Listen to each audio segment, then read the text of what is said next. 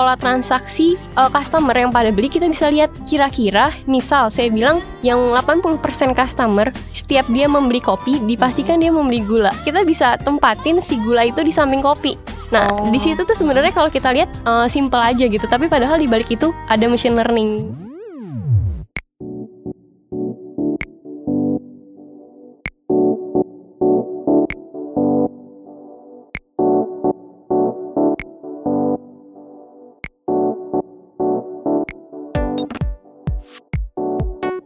Kembali lagi di Data Talks podcast by Algoritma X KBR Prime. Nah, ini seperti biasa saya Maggie Logan yang akan eh, memandu ya podcast kita. Dan saya nggak sendirian. Ya, emang ya namanya podcast kalau sendirian juga nanti saya monolog jadinya. Saya bareng teman saya nih tim Algoritma. Halo. Halo, Halo Ajeng, apa kabar? kabar baik. Boleh diceritain eh, atau kenalan dikit Ajeng ini eh, di algoritma tuh sebagai apa sih? Oke, perkenalkan saya Ajeng Prastiwi. Saya di algoritma sebagai data science trainee. Biasa kita em, jadi instructor, kadang jadi teaching assistant, atau suka bik- eh, bantu-bantu bikin materialnya gitu. Oh, material untuk yang dipelajari ya Iya. di algoritma ya.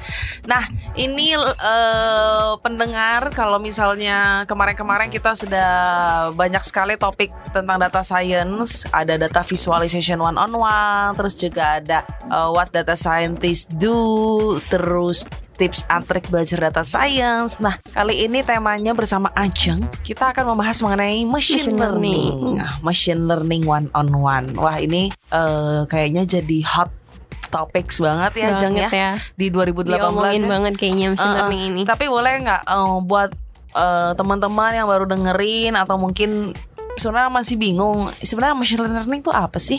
Oke, jadi sebenarnya uh, machine learning itu tuh simpelnya kita tuh merintahkan mesin buat uh, mempelajari data yang kita punya Mm-mm. gitu. Jadi kalau misalnya kita ngomongin machine learning, nggak bisa jauh-jauh dari data, pasti dikaitkan dengan data gitu. Karena kita uh, memerintahkan mesin untuk belajar dari data. Nah, data itu nggak cuma berupa angka.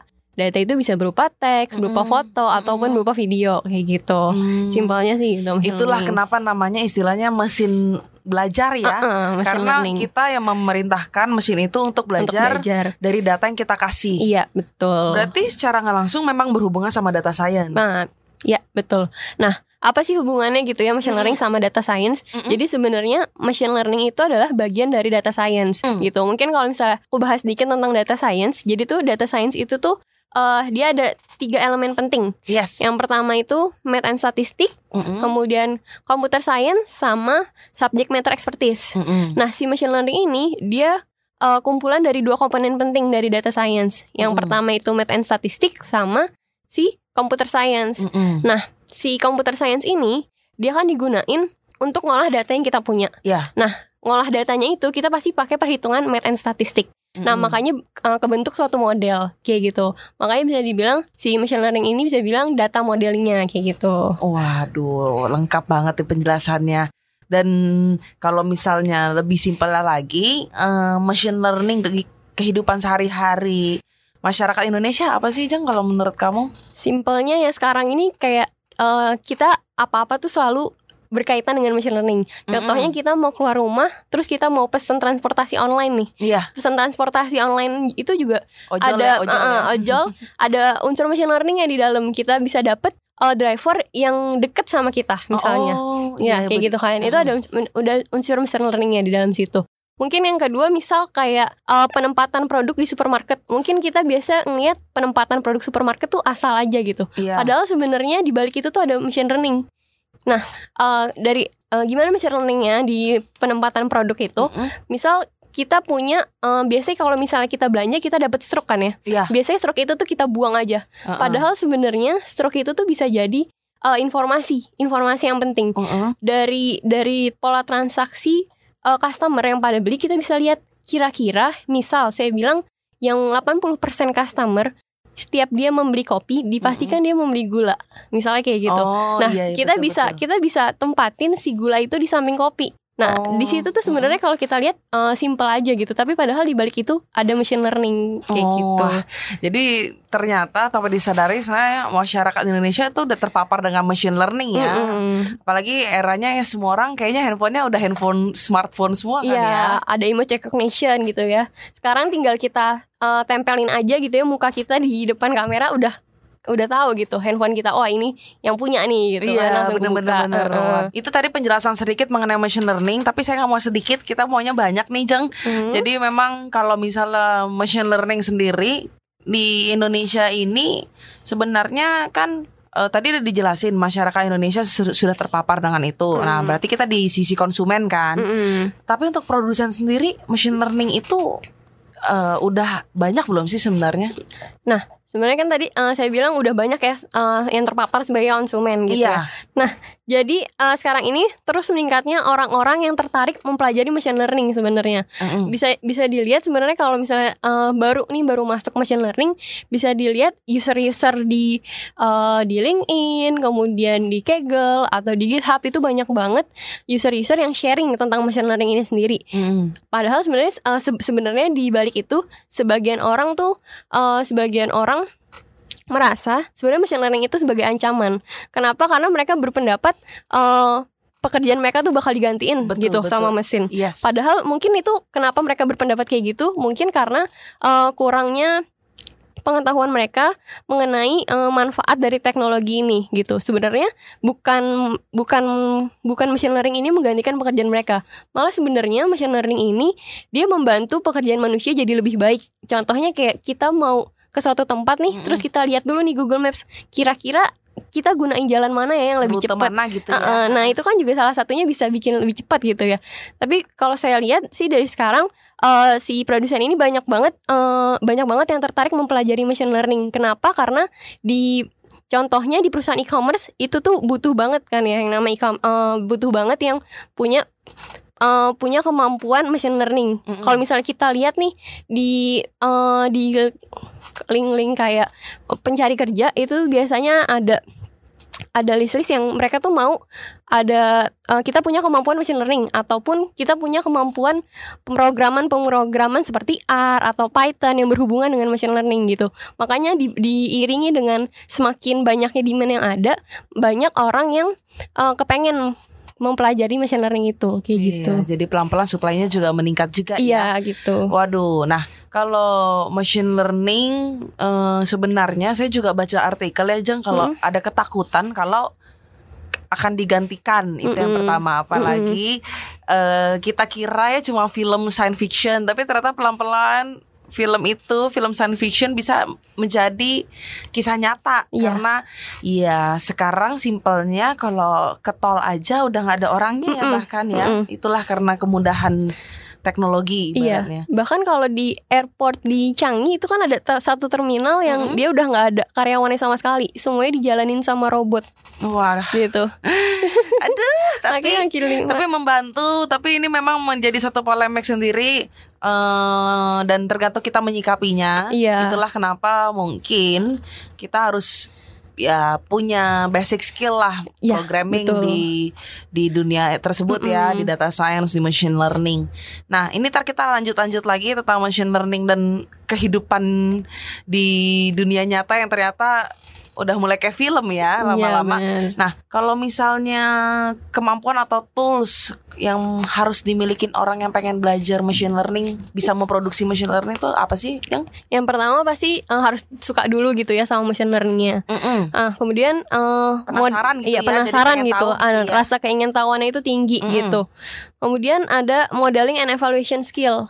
Nah, jadi kalau misalnya eh, ini penting kenapa? Kalau misalnya kita bakal ketemu sama data, jadi tuh kita tahu enaknya sebenarnya data yang kita punya ini kita apain sih? Kita gunain, kita terapin ke model yang mana gitu. Nah, setelah kita bentuk model, itu ada evaluation skill.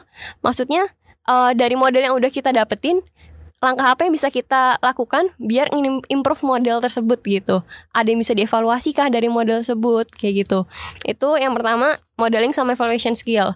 Kemudian yang kedua eh, pengetahuan tentang statistik atau matematiknya. Mm-mm. Nah, ini juga jadi hal penting kenapa? Karena ketika kita ngebuat suatu model brek gitu ya keluar modelnya. Tapi kita juga harus tahu di balik pembuatan model itu tuh uh, rumusnya, rumusnya gitu itu kayak ya. gimana gitu. Dia bisa ngedapetin angka itu tuh sebenarnya seperti apa gitu. Jadi kita bisa mempertanggungjawabkan akuntabilitasnya.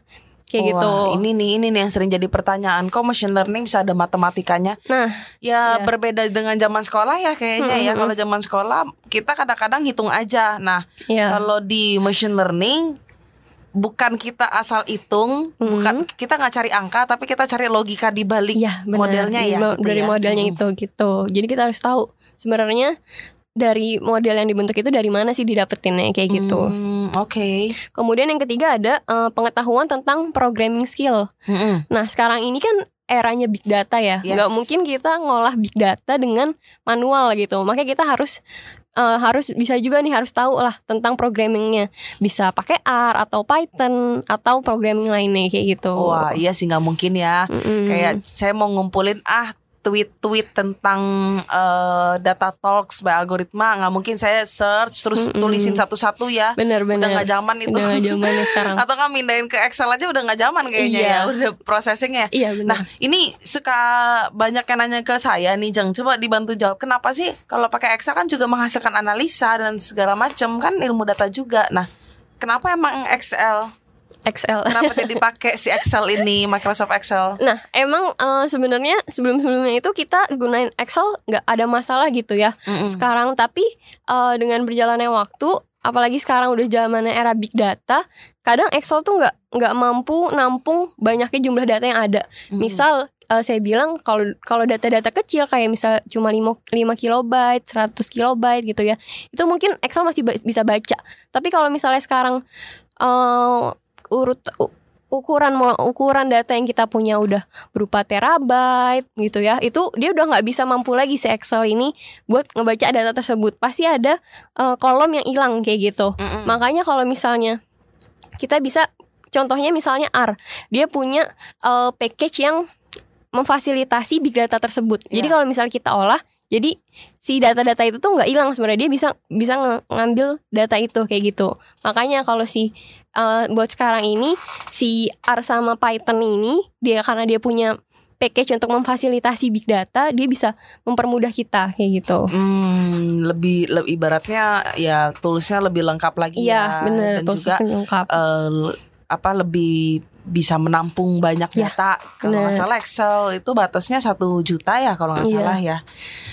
Wih, seru. Nah, ini kan tadi kita ngomongin tentang secara nggak langsung ngomongin proses tentang machine learning nih, Jang. Mm-mm. Kalau saya boleh runut ya, coba kamu bantuin. Mm-mm. Hmm, jadi kita harus tahu, kita penasaran dulu, Ya harus benar. suka dulu sama satu Mm-mm. machine learning ini, Mm-mm. baru kita cari tahu dan belajar. Nah, setelah itu kita mulai coba dengan eh, programming language, Iya, betul. bikin bikin modelnya di situ gitu. Mm-mm. Lalu evaluasi dan testing. Mm-mm. Eh testing dulu, baru evaluasi. evaluasi. Nah, sebelum kita bikin model, Mm-mm. kita harus ada preprocessingnya dulu. Sama Datanya. explore exploring datanya dulu. Oke. Jadi kita harus tahu sebenarnya data apa sih yang lagi kita olah gitu. Hmm. Gitu. Karena nggak semerta-merta kita punya data, ah mau diaplikasiin ah ke machine learning gitu kan. Langsung jebret dapat model tapi kita nggak tahu uh, insight apa yang didapat gitu kan. Oh. Nah, makanya kita harus explore dulu nih sebenarnya data apa sih yang kita lagi olah kayak gitu. Kemudian yang kedua ex, eh, pre-processing. Jadi ada yang bilang sebenarnya kalau kita bikin model machine learning, Mm-mm. 80% itu pre-processing, 20%-nya itu modeling gitu. Mm. Jadi kan sering banget Lebih kita lama nyiapinnya gitu Eh, eh, iya, karena kan sebenarnya kalau kita dapat data, biasanya data itu masih kotor. ya. Mm-mm. Belum bisa kita langsung aplikasiin ke model gitu. Kita Mm-mm. harus lakukan filtering, preprocessing dan sebagainya. Nah, preprocessingnya ini yang biasanya lama gitu. Oke, jadi harus tahu dulu datanya jangan semerta-merta ah udah ah, saya mau bikin penelitian tentang machine learning tapi Iya. ternyata datanya tidak mumpuni Tidak, gitu eh, ya. tidak mumpuni. Jadi ya Nah, useless nantinya. Itu cari tahu apa-apa. gimana? Ke tim algoritma bisa. Wah bisa tuh ya. Cari taunya Nah. datanya itu gimana? Eh, kalau misalnya eh, data data datanya tentang apa itu tuh banyak sih Eh, kalau baru masuk machine learning saya saranin sebenarnya watch and learn gitu Mm-mm. Eh, eh, jadi tuh sekarang tuh kan tadi saya bilang banyak banget orang-orang yang minat eh, terhadap buat belajar machine learning Yes. Nah, di- mereka ini kalau misalnya kita ngelakuin suatu model terus kita ngedapetin error gitu ya jangan eh, jangan bosen-bosen ngedapetin error tersebut gitu Oh, Jadi- jadi jangan nyerah ya kayak Jangan aduh kok nyerah. error mulu nih Iya. udah lima kali nyobain Uh-uh. model machine learning error terus jadi Mm-mm. jangan menyerah ya. Iya, jadi kalian bukan orang pertama yang dapetin error itu gitu. Pasti user-user lainnya pernah. Dan Uh-uh. biasanya mereka eh, biasanya mereka suka sharing tuh di eh, di platform seperti Kaggle atau Mm-mm. GitHub atau Stack Overflow gitu. Mm-mm. Nah, kalian bisa tuh cari-cari di situ kalau misalnya cara online. Atau kalau misalnya nggak online, mungkin bisa eh, bisa belajar di algoritma Oh gitu. iya, lengkap ya. Lengkap. Saya saranin belajar di algoritma aja ada. Bisa ketemu Ajeng nih nanti ya. Nah, em, model yang machine learning kan banyak banget nih. Mm-mm. Kalau saya tebak-tebak ya ada random forest, terus juga decision tree, Ya, betul. ada Arima, Mm-mm. Hot Winters, bahkan yang si simple uh, regression, Regression linear, yang linear. ya buat anak-anak skripsi ya. Iya, benar. Nah, ini pendengar juga kalau misalnya penasaran apa yang saya omongin boleh sambil di googling sambil dengerin kita.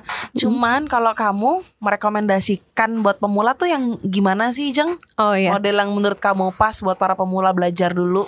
Nah, sebenarnya tuh kita balik lagi ke kebutuhan kita sendiri ya tentang apa yang mau kita cari dari pembuatan model kita, kemudian dari data kit yang kita punya, cocoknya tuh gunain algoritma yang mana gitu kan. Jadi sebenarnya menurut saya kalau ketika kita punya data, eh, coba model sebanyak-banyaknya, kemudian Hmm. kita compare performance modelnya. Tapi mungkin saya bisa saranin eh, untuk yang regression, gitu. awal-awal ya regression mungkin bisa mulai dari simple linear regression. Kemudian kalau classification bisa mulai dari logistik gitu. Kenapa? Karena kedua ini nih punya interpretability-nya itu lebih mudah gitu dibandingkan yang Wah, lain. Ini gitu. kata-kata baru nih interpretability. boleh boleh sambil di sambil cari tahu jadi dengerin podcast kita nggak cuma bisa dengerin aja sambil Iya, dengerin sambil aktif sendiri googling untuk Mm-mm. mungkin ada beberapa kata-kata yang nggak tahu silahkan ini bisa jadi pembelajaran buat teman-teman yang dengerin kita ya. Iya. Nah eh kalau misalnya kamu dikasih satu data nih, Mm-mm. Jang bikin dong model machine learningnya misalkan seperti itu. Nah Mm-mm. Gimana sih cara mengidentifikasi itu data ada masalahnya dan segala macam bisa dijelasin nggak sih gimana? Nah, itu balik lagi kayak yang tadi saya bilang kan langkah pertama kita harus tentuin tujuan kita apa ya. Mm-mm. Kita set goal dulu nih. Goal kita tuh apa yang mau kita dapat dari data yang kita punya. Mm-mm. Gitu. Setelah kita tentuin, kita tahu apa yang mau kita dapetin, kemudian kita eksplorasi datanya dulu. Nah, ini ibaratnya eksplorasi tuh kayak baca data ya, kayak- Uh-uh. kayak lihat sebenarnya datanya Data apa? seperti apa, apa ada Mm-mm. banyak yang ternyata banyak tabel kosong Iya. yang keisi gitu Uh-uh, ya. Kemudian misal dari variabel-variabel yang kita punya, kira-kira uh, kita bisa lakuin feature engineering apa Mm-mm. gitu. Misalnya saya punya uh, data data ini ya profiling customer gitu ya, Mm-mm. profiling customer. Berdasarkan customer ID-nya, misalnya saya bisa lihat nih frekuensi si customer ini uh, frekuensi si customer ini seberapa banyak dia um, berinteraksi sama kita kayak Mm-mm, gitu. mm-mm. Nah, mungkin bisa kita lakukan feature engineering kayak gitu. Makanya nggak semerta-merta data yang kita punya cuma variabel-variabel itu aja yang kita pakai. Tapi kita bisa ngeksplor lebih lanjut gitu dari variabel itu ada informasi apa yang terserap dari dari variabel-variabel tersebut. Terus kita ambil gitu ya, kita bisa bikin kita lakukan feature engineering kayak gitu. Wow.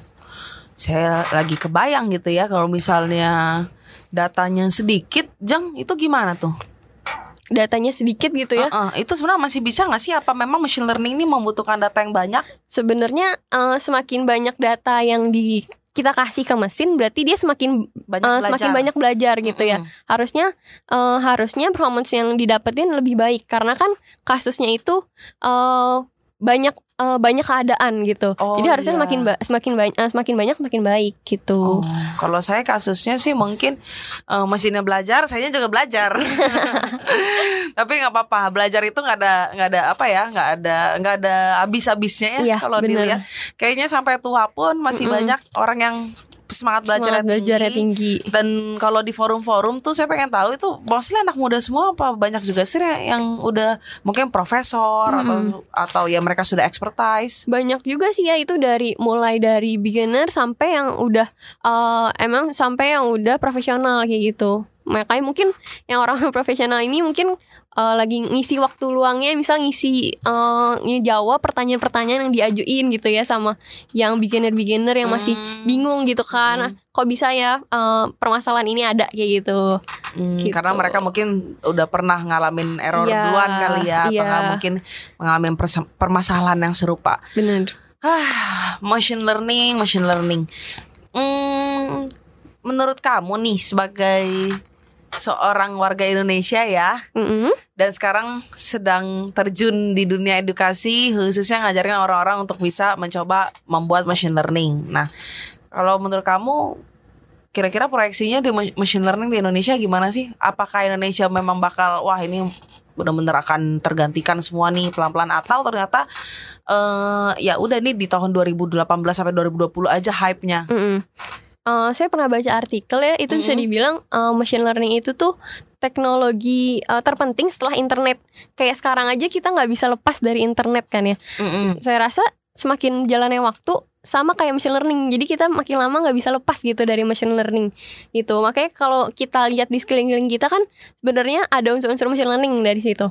Nah makanya kalau menurut saya itu bakal terus bakal terus meningkat gitu trennya si machine learning ini. Sama kayak kita nggak bisa lepas dari internet nah nanti mungkin bisa kita bilang kita nggak bisa lepas dari machine learning gitu. Karena semuanya eh, bakal lebih fleksibel atau lebih efektif kalau kita terapin machine learning gitu. Sama kayak di perusahaan mungkin perusahaan yang memanfaatkan machine learning dia bakal lebih eh, dia akan dia bakal lebih cepat untuk memutuskan sesuatu kayak gitu gitu Oke, sih Iya lebih efektif ya, Iya. lebih efisien itu balik ke situ lagi. Mm-mm. Ya kita aja akhirnya nggak bisa lepas dari internet, kita nggak bisa lepas dari smartphone ya, karena kemudahan-kemudahan iya itu yang kan. diberikan Ini berarti basicnya karena manusia itu males sebenarnya.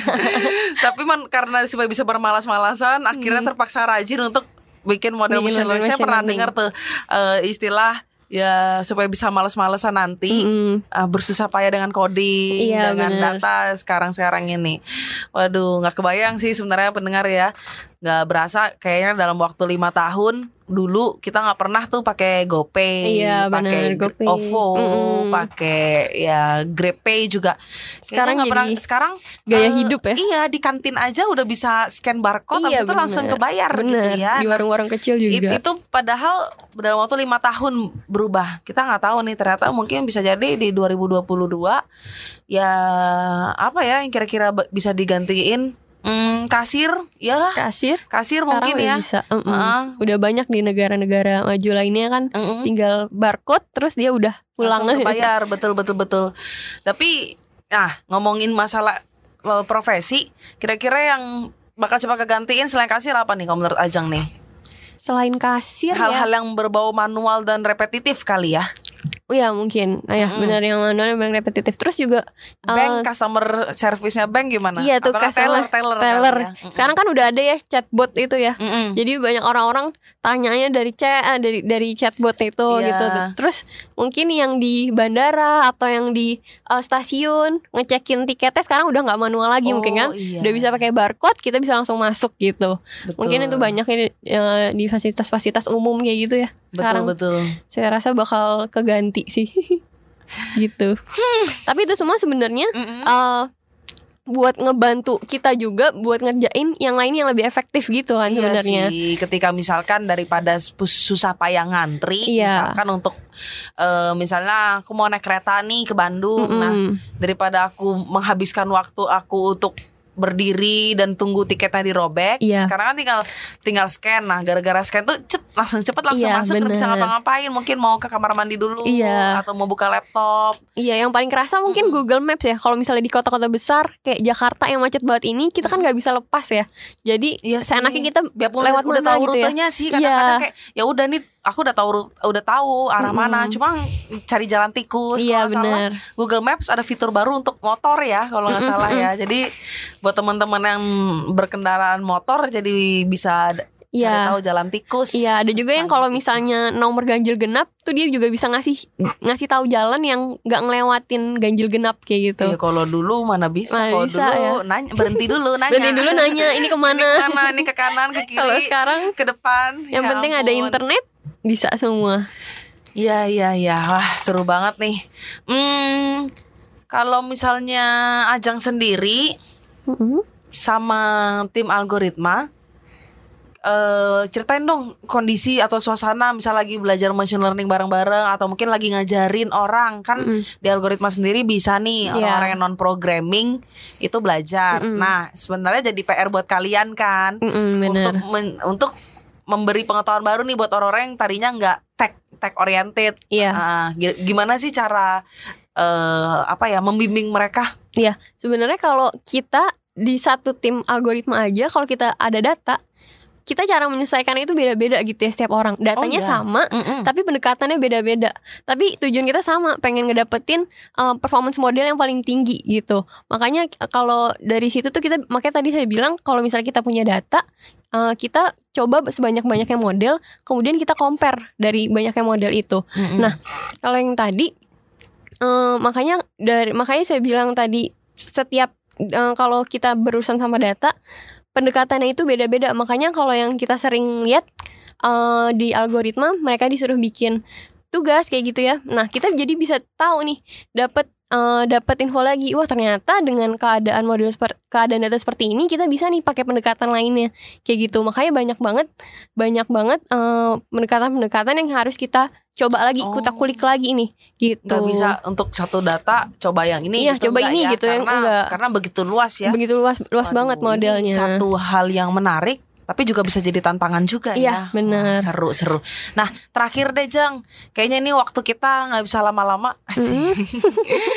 kalau misalnya buat orang-orang yang sekarang sudah eh, mendalami machine learning Mm-mm. kalau yang tadi yang belum mendalami machine learning ya googling atau cari tahu dari forum dulu. Nah, Iya. kalau yang sudah mendalami machine learning, gimana sih supaya bisa menjaga konsis rasa konsisten belajar gitu loh? Iya. Kayak aduh, kan error terus nih, error terus udah cari forum tapi Mm-mm. pas dicoba eh, masih error. Nah, Mm-mm. gimana sih tipsnya kalau dari kamu? Nah, kalau misalnya yang error-error itu eh, saya bilang jangan nyerah gitu ya, jangan nyerah. Bukan kalian doang yang pernah ngedapetin error itu. Mm-mm. Hampir hampir pasti ada banyak orang yang udah pernah ngedapetin error itu gitu. Makanya eh, jangan sampai nyerah, kita coba lagi, kita coba lagi gitu. Terus kalau buat mempertahankannya, mungkin bisa dicoba ikut kompetisi-kompetisi gitu ya. Oh, Sekarang kan iya. udah banyak ya kompetisi-kompetisi. Iya, Nah itu tuh jadi eh, atau misalnya Jadi salah motivasi satu baru juga iya ya. motivasi kita juga. Mm-mm. Terus misalnya eh, saya balik lagi ke Kaggle, di Kaggle itu tuh ada ada namanya kernels. Jadi kernels itu tuh eh, jadi tempat orang-orang Mhm. eh, yang ikut kompetisi machine learning, mereka Mhm. tuh sharing gitu pendekatan apa yang mereka pakai, kemudian eh, dari pendekatan yang mereka gunain itu mereka mereka dapat penasaran apa sih, terus bisa di bisa di eh, bisa kita implementasinya itu seperti apa kayak gitu. Makanya mungkin eh, cari-cari searching-searching di internet gitu ya banyak atau mungkin bisa eh, belajar sendiri gitu atau eh, atau bisa kita eh, sharing ke teman-teman gitu ya. Kalau punya data kayak gini kira-kira diapain sih kayak gitu. Wih, mantep. Sebenarnya ini juga bisa diterapin nih untuk di kehidupan sehari-hari ya. Iya benar. Jangan jangan pernah menyerah. Mm-mm. Wah, seru banget Jang. Thank you banget udah eh, mau jadi guest star kita Oke. di Data Talks yang kali ini membahas tentang machine learning. Nah, kalau misalnya penasaran kira-kira berbagai macam model machine learning itu sangat banyak, Mm-mm. hmm, bisa googling seperti yang dibilang Mm-mm. atau mungkin bisa datang ke tim algoritma untuk nanya langsung atau banyak kemungkinan lainnya ya yang Iya, tapi yang paling bener. gampang sih kalau mau anda mau simple bisa cek Instagram kita di DM aja di @timalgoritma. Nah, Oke. Ajang eh, terakhir dong kasih pesan-pesan. Hmm, pesan-pesan? Iya. Oke. Eh, jangan jangan bosen atau jangan pernah capek buat belajar. Kita harus terus belajar terus. Jangan sampai kita eh, kegiring sama mesin. Kita harus bisa eh, ngendaliin mesin itu sendiri gitu. Jangan sampai kita yang dikendaliin mesin, tapi kita harus paham eh, mesin Cara yang kita buatnya gitu. Oke. Oke. Jangan takut tuh pendengar tuh mesti denger ya. Yang penting kita bisa belajar karena serem juga sih kalau aku nggak bayangin kayak bisa jadi bener-bener ya lewat aja gitu robot jadi Iya, tetangga bener. kita. Terus juga nanti udah nggak ada lagi yang eh, jaga-jaga laundry kiloan tuh Mm-mm, biasanya semuanya anak-anak kos kan laundry Iya. kiloan gitu ya nggak ada ngobrol-ngobrol lagi sama ibu-ibunya. Eh, karena mungkin kalau udah ada machine learning maksudnya ada yang mengarah ke sana Mm-mm. bisa jadi ya udah datang aja tinggal taruh koinnya taruh Mm-mm, cuciannya sendiri. kelar kelar. wah oke Ajeng thank you Oke. dan pastinya terus dengerin Data Talks uh, podcast by Algoritma X KBR Prime. Tungguin terus kira-kira minggu depan atau nggak tempo depan akan ada tema apa lagi yang seru. Kalau misalnya mau request uh, bahas ini dong, Maggie, boleh boleh ya di Instagram kita silakan mention aja di DM di @tim algoritma. Maggie Logan pamit. Oke, bye. Bye, Ajeng Ajeng pamit. See you.